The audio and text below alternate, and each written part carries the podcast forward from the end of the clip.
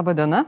Ne, mūsų niekas neužgrobė ir aš nieko neketinu paimti įkaitais, tiesiog tai yra puikiai sauganti kaukė, kurią pasiuvo Robertas Kalinginas su savo puikia iniciatyva parūpinti kaukių tiems, kam jų trūksta.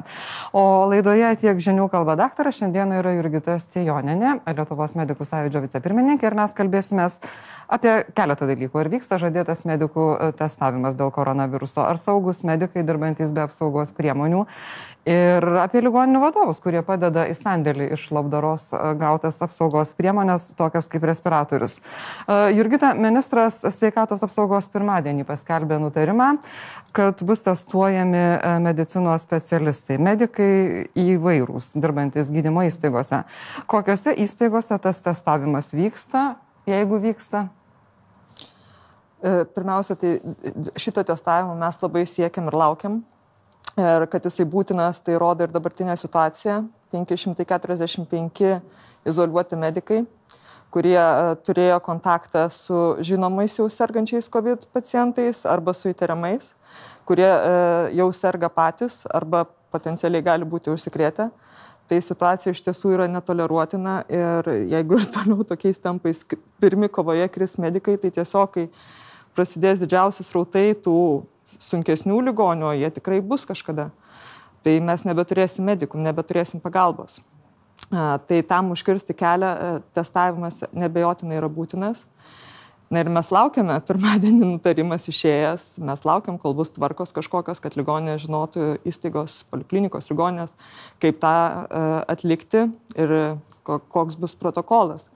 Medikų sąjūdžio pasiūlytas protokolas, kad pirmą kartą visi dirbantis, visi sveikatos priežiūros darbuotojai, visiems būtų atliktas PGR tyrimas tada kas savaitę būtų atliekamas tie ekspres testai ir jeigu atsirastų klinika dirbant, net jeigu ir tie ekspres testai būtų neigiami, kad vėl būtų kartojamas PGR tyrimas. Turit galvoje, kad jeigu žmogus pajustų simptomus, simptomus kažkokius, kaip peršalimo, kaip gerklę, kaip kosėjimą, kaip galvos skausmą ir panašiai.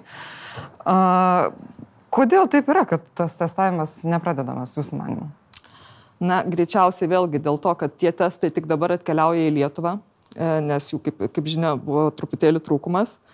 Ir, na, vėlgi tą reikia apsispręsti dėl tos metodikos, kokia jinai bus ir paruošti tas tvarkas įstaigoms. Tai matytas užtrunka, bet na, mes labai tikimės, kad iki kitos savaitės prasidės, nes tie pacientai jau turim užsikrėtimus visuomeniai, tai nebejotinai tie pacientai greičiausiai pas mus patenka kiekvieną dieną.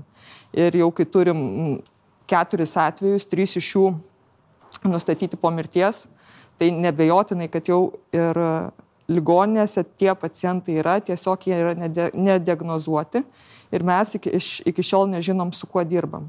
Ir Kai nežinom, su kuo dirbam. Užkrečiate ir užkrečiate kitus. Nebejotinai taip. Nes kai tu nežinai, kad infekuotas pacientas, na tiesiog tada ir dėl tų pačių priemonių trūkumo tu mažiau saugaisi.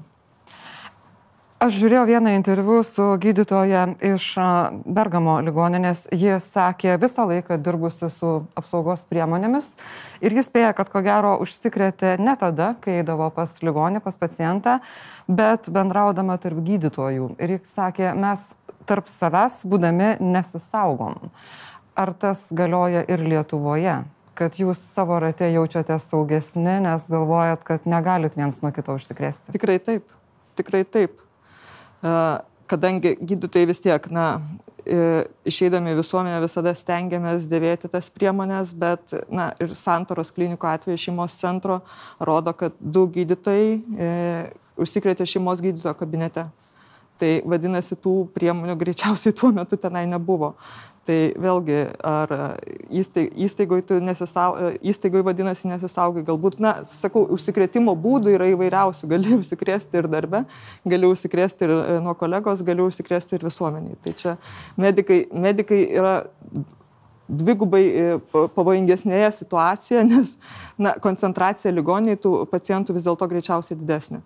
Tai mes, aišku, esame rizikos grupė užsikrėsti. Santaros klinikos skambina jau tiems savo medikams, kurie yra karantine, tai yra savizolacijoje po to, kai grįžo iš užsienio ir kviečia juos pasitikrinti. Ar čia yra pats geriausias būdas pradėti tą tikrinimą, jeigu žmonės jau yra savizolacijoje ir turbūt išbūtų tas 14 dienų? Na taip, bet kaip, kaip ir minėjau, 545 yra izolacijoje, tai jeigu ir toliau tokiais tampais mes tiesiog pritrūksim, tai aišku, kad pirmiausia reikia e, testuoti tuos, kurie yra didžia, e, jau na, didesnėje rizikoje, kad jie gali susirgti, bet nebejotinai reikia testuoti ir visus kitus ir tos tvarkos turi būti parengtos kuo skubiau. Kaip jaučiasi medikai?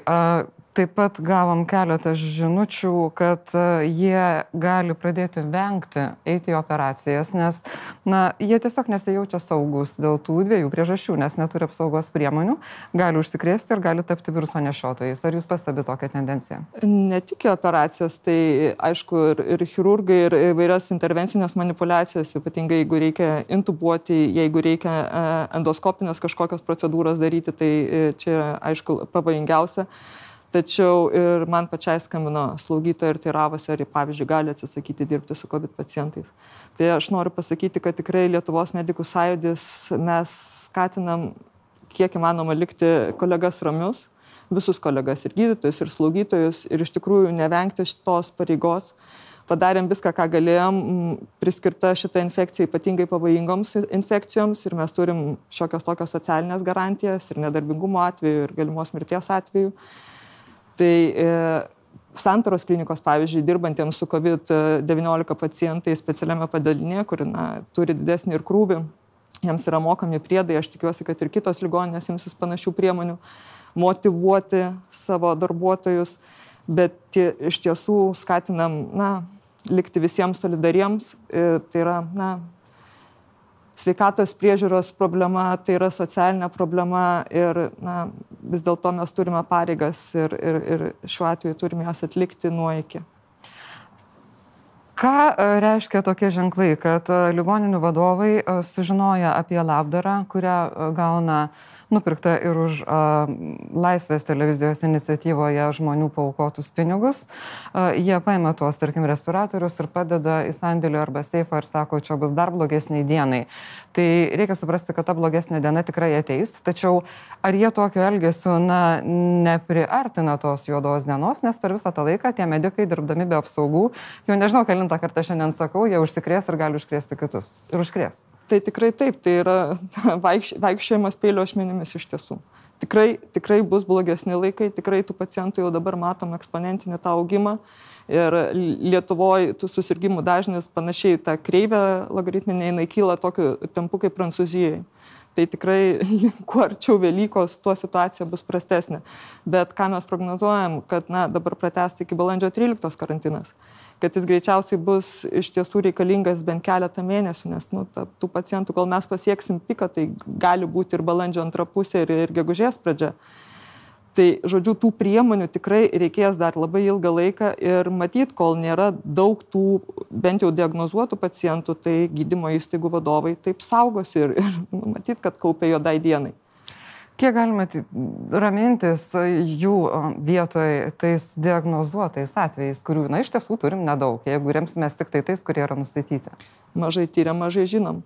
Estijos pavyzdys dabar va, pastaro, pastarosios savaitės rodo, kad vėl jie, kai padidino a, tyrimų skaičių, iki tūkstančio per dieną tyrė, iš karto išaugo ir diagnozuoto atvejų skaičius. Tai mes realios situacijos tikrai nežinom ir sakau, tai rodo ir tų pačių izoliuotų medikų skaičius, kad nežinodami situacijos dirba, užsikrečia. E, tie patys grįžę, vėlgi nežinom, kadangi ne, jų, net jų netyriam, e, vėlgi nežinom, kiek iš, kiek iš jų susirga, kiek nesusirga. 14 e, dienų savizolacijos laikotarpis, vėlgi, e, kaip žinom, inkubacinis laikotarpis gali būti kur kas ilgesnis ir jie išėję po tų 14 dienų gali susirgti.